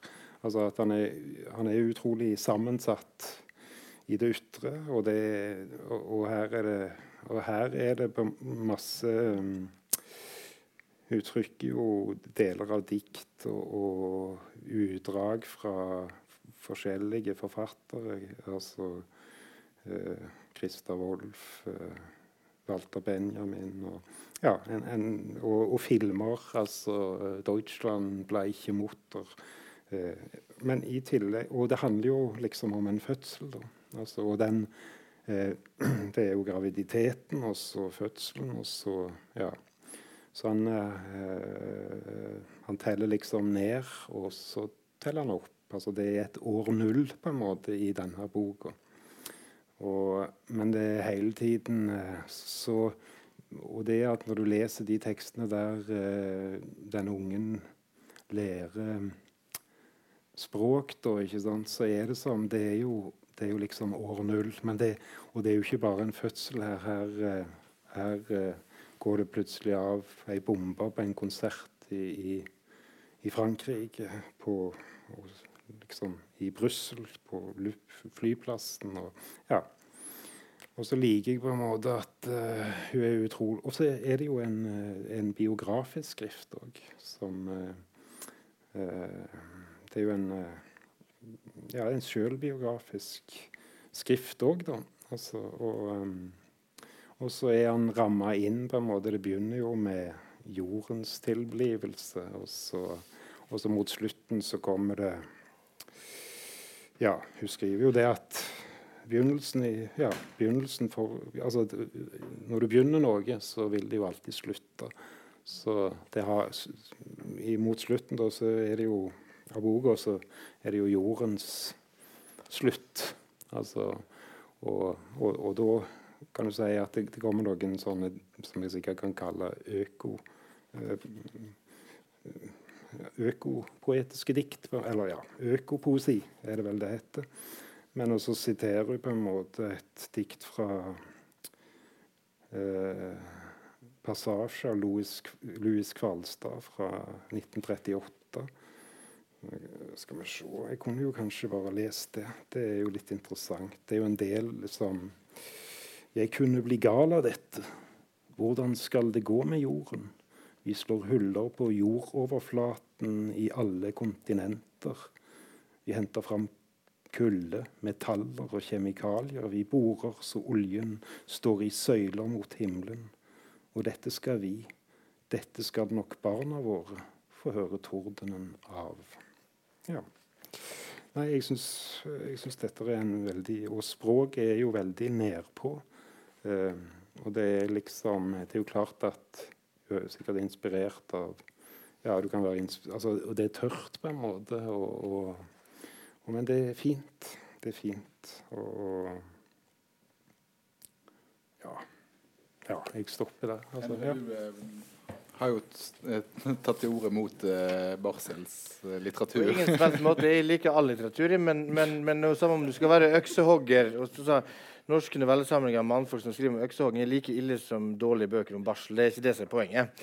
Jeg syns det var en veldig bra bok. Jeg synes det er Marte Huges beste bok. Og det er jo nettopp fordi at her er vi, altså er vi utafor det navlestrengbeskuende. Altså her begynner jo med evolusjon. Det er en dialog, Hele boka er en dialog med litteraturhistorien. Med utrolig mange flotte dialogvekslinger på hva det vil si å sette noe til jorda å være i det øyeblikket av det nyfødte. Så for meg var det her en, eh, en original bok om nettopp det å, å, bli mamma eller å sette et barn til verden. Og, og, og jeg syns at synes det var uh, at, at, Marte Huke har, av og til så blir jo litt sånn prosaisk for meg, men akkurat her så syns jeg de forskjellige delene satt veldig godt sammen. og på og det eneste de mener med i forhold til det med barsel, og sånn er at hvis alle skriver like bøker, altså Hvis alle skal skrive selvbiografisk på det samme den like Bøkene ligner på hverandre for mye. Men her, kudos til Marte Huke, her, for det her synes jeg var en bok som løfta seg virkelig over den der litt uh, klamme, klamme, introverte altså, men, men, da snakker jeg selvfølgelig om at vi er ikke en politisk bevegelse. Vi skriver ikke bøker som et politisk parti. Vi er kunstnere som skaper kunstverk. Og når kunstverka, om det handler om døden, eller om det handler om øksehogging eller handler om barsel, blir for like hverandre og går kopierer hverandre, eh, og, som, så, og står uten litterær verdi, så må det være lov å kommentere det, uavhengig om man er mann uten barn. Eller, altså, det er jo ikke sånn at bøker skal kun kunne leses av, uh, av dem som har de samme erfaringene som deg sjøl. For meg var dette en positiv opplevelse i den forstand at, at det var en bok som løfta seg over, over erfa altså, Det erfaringsmessige ble tematisk og mye større enn opplevelsen og en, eh, absolutt en, en, well done Marte Uke. Barselbok godkjent av menn. Eh, hva sier du, eh, Sandra?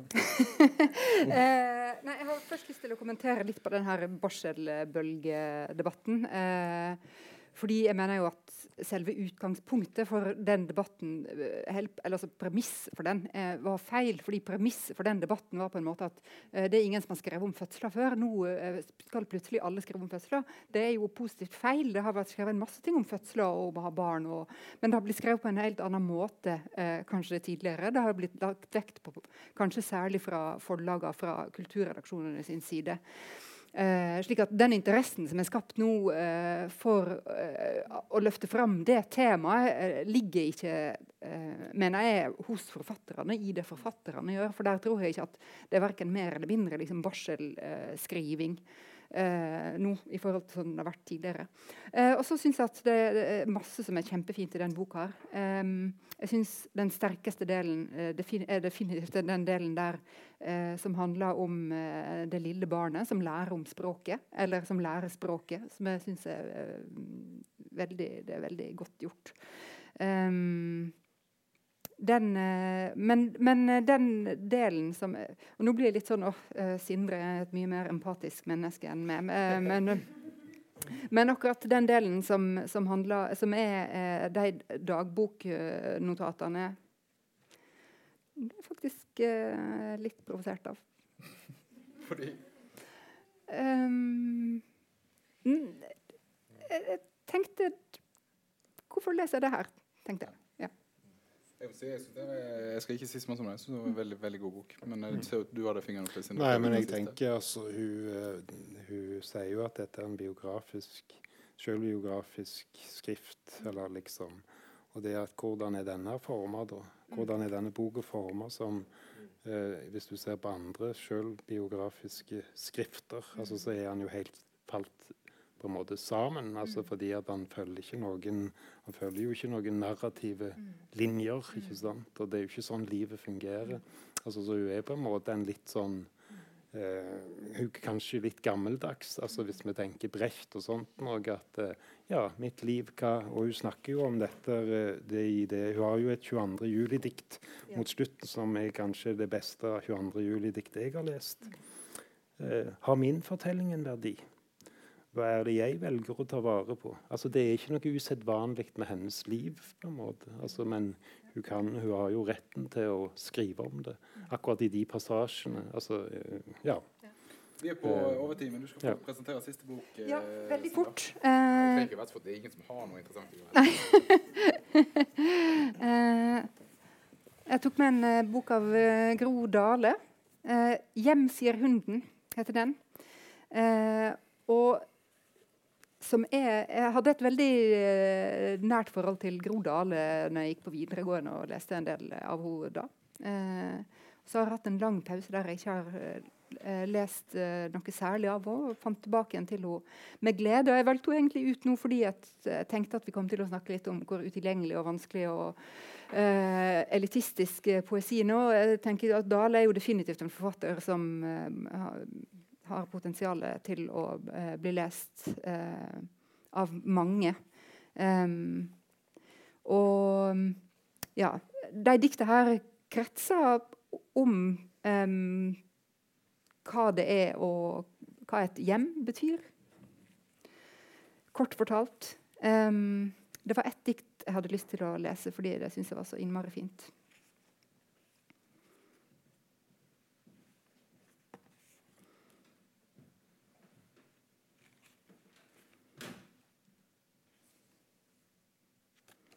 Ja, nå finner jeg ikke det igjen, selvfølgelig. Men jeg, Ja. jeg må bare si, altså, Mm. det der, mens, du, mens du leter Ja. deg jeg, ja, mm, ja. så eh, En sier ofte om, om Grodale at Mm. hun, er, hun er tilgjengelig. sånn, og Da får jeg Mm. nesten en henne litt ned. For jeg, eh, når jeg først leste Grodale, så er det Ja. liksom, jeg hadde hørt det så mange ganger om Grodale Ja. var tilgjengelig. Og, at, og, så det, og så er det mye mer der å hente, syns jeg. enn eh, det, Det som er, jeg, er, var mitt inntrykk rett og slett når jeg hadde hørt Mm. det så mange ganger. Da.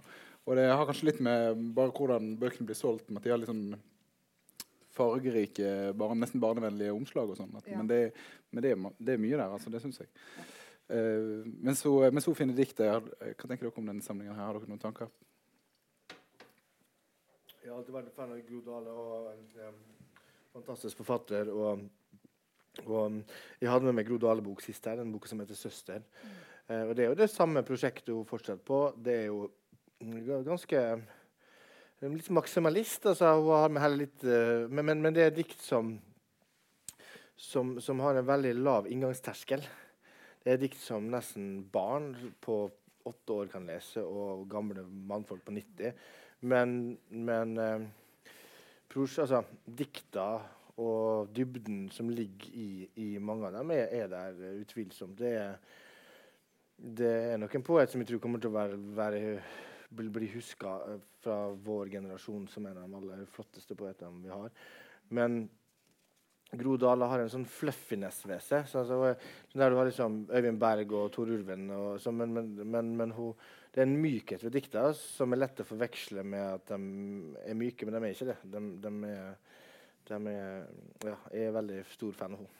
Ja. Så um, jeg har eh, også Jeg leser alle bøkene hennes og føler hun følger, følger meg gjennom livet. Ja. Nå har jeg ikke så mye mer fornuft, annet fornuftig å si om det. Ja, vi har, vi har litt likt, litt, forhold til henne. Jeg nå- Hun trenger nesten en slags ny resepsjon, føler jeg. At, og, hun- Ja. ja. Uh, mens du fremdeles leter. Vi hadde jo noen honorable mentions her. Eh, du, har du funnet diktet? Ok, Vi tar vi diktet, og så honorable mentions, og så må vi nok gi oss. Ja, jeg har funnet Vemund Solheim Odlands eh, for uh, Altså, eh, Vemund Solheim Odland er da gjenfødt. Nå skulle du være kort, sant? Ja. Ja. Vemund Solem Odland har gitt ut en bok som heter 'Årsord', som er jo hele en fantastisk poet, fantastisk prosjekt. Eh, De dikta her, den mor-metaforen uh, Dikta hans er jo nesten som et setninger som er flerra opp på sidene. Så det er mis, mister en bokstav her og kommer tilbake en bokstav der. og liksom Det lydlige dikta er Ja, det, det det er liksom som like mye lyd som innhold, men etter hvert som man leser dem, så kommer det fram. Altså man, det er nesten sånn, sånn Du framkaller dikta mens du leser dem. Det er litt vanskelig å, å, å, å si noe om det uten egentlig å, lese dikta, men du ikke kjenner til dem. Men jeg har i hvert fall funnet ut én ting. Det skal være veldig kort. Det er at Vemund Solheim Odland er gjenfødt. Og det hans egentlige navn. Det er eh, Det har vi her. Han, har, han kommer fra Italia. Eh, og han heter Fernando Oreste Nanetti. Og Ferrando Oreste Nanetti han, eh, han ble stengt inne på et psykiatrisk sykehus i Volterra. Det har jo ingenting til felles med Vemund, men han skrev ei bok på veggene. Han skrev ei bok på, på, på veggene i hospitalet med beltespenna si. På, på hundrevis av hundrevis av sider. Alle veggene fulgte av språk. Og når jeg leste Her har de transkribert det til dansk. Så når jeg leser, kan jeg lese ett Sorry, kan jeg bare lese ett kort dikt av Vemund Odland? eh, og så kan jeg lese ett av eh, så Her er et Vemund Odland-dikt. Hvit hudflue. Øse, vann, grå mage. Skrå hudlue. Elektromagnetisk, flyvende antenne. Magnetiske ringer, smal munn, Y-formet nese. Født i rom, smal munn. Elfenben, støtan, elefant, astroskip, magnetisk dåpskirke. Så hvis man vil lese Vemund Solheim Odland, så vil jeg anbefale dere å lese Morten Søndergaards journal. Det er da Vemund Solheim Odlands genuine forgjenger som blir beskrevet der. Ok, jeg var ikke helt forberedt på den. Eh, hadde du en tredje bok med som du bare nevne? Nei. Jeg vil bare si Jeg, ble- jeg syns dere hadde valgt altså, De var så gamle, alle som ble valgt. Det var 34, 34 var den yngste poeten. Så kom jeg på at det var kanskje Kanskje, eh, kanskje jeg må være ung for å tenke at 34 er gammelt. Men, uh, Du blir fort du, blir, Du blir men, uh, men uh, altså Eh, Ocean Wong, den amerikanske poeten Ocean Wong som nettopp kom til norsk oversettelse, eh, vil jeg også bare sterkt sterkt anbefale. Nå gjør eh, lydmannen sånn, sånn, sånn, sånn, sånn til meg. Så hvis, eh, Vi skal avslutte med diktopplesning, for det er finest. Så eh, tusen takk til at dere kom. Tusen takk til alle publikum kom. Ta diktet, og så vi Ja, jeg, bare nevne, jeg må bare nevne Einar Villanger, 'Nattnød'. Eh, Barselpoesi. det også. Veldig fin. veldig fin. Kjøp bøker etterpå. Og, Ja. alt det der. Hun er så flink. Hun er så veldig flink. Sitter bøyd over legoen, bøyd over det hvite arket med blyanten, bøyd over boka, over regnestykkene. Hodet og nakken bøyd over arbeidet, håret som renner glatt og rett. En elv av hår og tanker og arbeid som jeg bare kan se utenifra og på avstand. To og en halv kilometer unna. Og tenke så fin hun er. Så veldig, veldig fin hun er. Slik jeg ser et rådyr forsvinne inn mellom trærne og bli borte.